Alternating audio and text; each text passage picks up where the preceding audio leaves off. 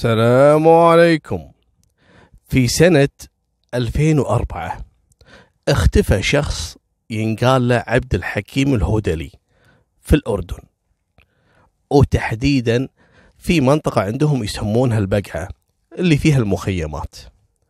هذا عبد الحكيم كان عمره أربعين سنة متزوج وعنده ستة من الأولاد. اختفى في يوم وليلة. قعدوا اخوانه واهله وجماعته وقبيلته كلهم يدورون عليه. وين راح عبد الحكيم؟ ما هم عارفين. ومن 2004 إلى 2018 يعني 14 سنة وهم يبحثون عنه بدون أي جدوى. اختفى. هذا عبد الحكيم يشتغل ميكانيكي في أحد الكراجات اللي في مخيم البقعة. لكن آه، ما كان في أي عداوات يعني له أو مشاكل أو ثار أو من هالأمور هذه. ولا هو شخص يعني يختفي بيوم وليلة ويترك عياله وأهله وجماعته وحلاله. فكان اختفاء شيء غريب بالنسبة حق أفراد أسرته بالكامل. مالكم بالطويلة. في أول أيام في 2004 لما اشتبهوا في اختفائه قاموا يسألون وكذا وكان في واحد يشتغل معاه عمره 28 سنة أيامها ب 2004 هذا حققوا معاه وقالوا له أنت أكيد لك علاقة في الموضوع واعتقلوه لمدة عشرة أيام وحققوا معاه طلع الولد ما له علاقة فيه. لأن اشتبهوا أن له يعني كان بينه وبين عبد الحكيم يعني اختلاف في موضوع المادة والفلوس بالشغل. لكن الولد ما له علاقة. أفرجوا عنه بعد عشرة أيام. طبعا من 2004 يأسوا من كثر البحث السنوات هذه كلها. خلاص صارت الأمور طبيعية لكن واحد من إخوان عبد الحكيم أبدا ما يأس.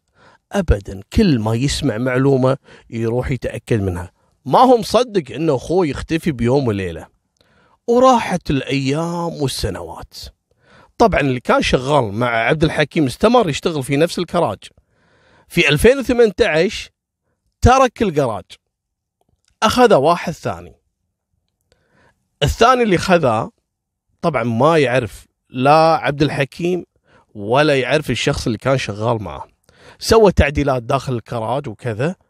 اكتشف وجود عظمة. يعني كأنها عظمة بشرية داخل الكراج مدفونة. فبلغ فيها السلطات وجو والأدلة الجنائية وشيكوا ولا فعلا عظم بشري. تذكروا قصة اللي حصلت قبل 14 سنة. اتصلوا على أخو عبد الحكيم. قالوا له تعال. حضر. قال شوف إحنا لقينا اللي هي العظمة هذه عظمة بشرية داخل الكراج مدفونة مبين إنها قديمة. لكن إحنا ما إحنا متأكدين إذا هذه تعود لأخوك اللي هو عبد الحكيم المفقود أم لا. لكن نبي نسوي فحص ال DNA بالفعل سوى فحص ال DNA ولا هذه عظمة من جثة عبد الحكيم. يعني عبد الحكيم كان مقتول ومدفون. قلبوا الكراج كله باللي فيه ما لقوا أي أثر ثاني. فقط هالعظمة هذه. شيء غريب. قاموا يبحثون عن الشخص اللي اشتغل في الكراج من أيام عبد الحكيم وتركه ب 2018 وألقوا القبض عليه. بالتحقيق معاهم مني ومناك انهار الولد واعترف بالقصة بالكامل. تكلم قال قبل 14 سنة أنا وعبد الحكيم كنا على خلاف على الشغل فتطور الموضوع وصار شد بالكلام. بعدين مدينا ايدينا على بعض قمت وطلعت حربة اللي هو سكين كنت مخبيها داخل كراج وطعنت فيها عبد الحكيم لين سقط ومات على طول. فقفلت عليه الكراج وبديت لأكثر من أسبوع وأنا أحاول أني أشيل اللحم عن العظم. يخرب بيتك. قعد أسبوع يفصل أعظام الجثة عن اللحم. ويجمع اللحم شو يسوي فيه؟ يروح المناطق البرية ويرميها على الكلاب عشان تاكل اللحم. العظم كان مبتلش فيه. قام ينظف العظم ومرة يحذف واحد صوب ترعة مرة يحذفه في بار صوب مقبرة. قام يوزع العظم بكل مكان. ما بقت عنده إلا العظمه هذه قال هذه ما ما تفرق. يقول كان ادفنها داخل الكراج. طبعا بعد ما اكتشف الموضوع وانقلبت الدنيا قالوا له لا حبيبي مستحيل أنت بروحك تقوم يعني تشرح جثة وتروح تخفيها وكذا. من اللي شاركك قال لا ما في أحد. قالوا لا استدعوا إخوانه.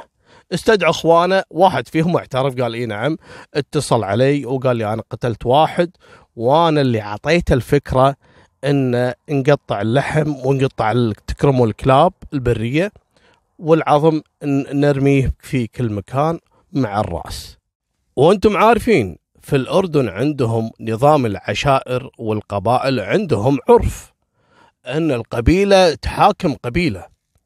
فهذول قبيلة الهودلي والشخص الثاني القاتل وأخوه من قبيلة يعني يتبع قبيله عشيرة الوريكات عاد كلموهم وصارت مطالبة عشائرية وانقلبت الدنيا وراح أحط لكم فيديو للمطالبة العشائرية. المطالبة هذه كان لها صيت كبير جدا تدخلوا فيه غالبية وجهاء القبائل الأخرى علشان يسوون هدنة بين القبيلة عشيرة الهودلي وعشيرة الوريكات. وبالفعل تم الاتفاق على مطالب يعطونها الوريكات حق قبيلة الهودلي. أول شيء قالوا أن يتم مطالبة عشيرة الجاني بإعدامه يعني نفسهم الوريكات يطالبون بإعدام القاتل أخوه. قالوا لهم ما في مشكلة. غلطان ويستحق.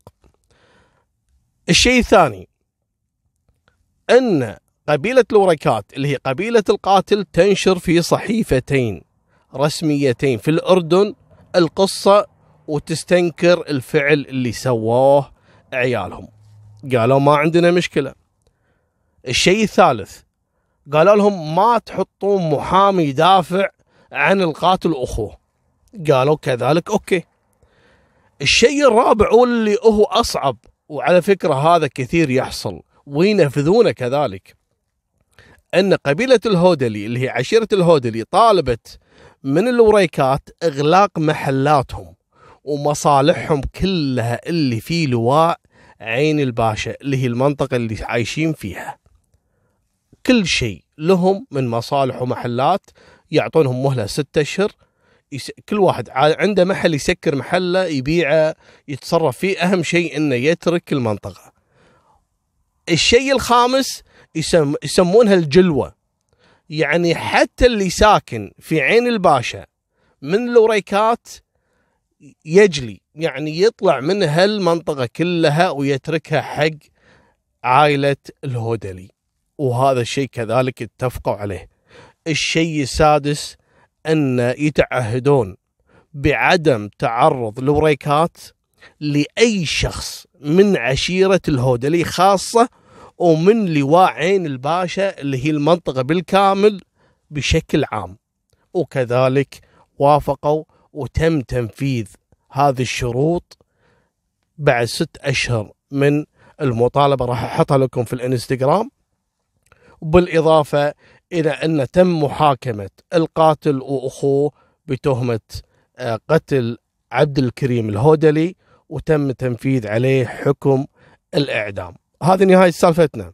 وفمان الله. مع السلامة.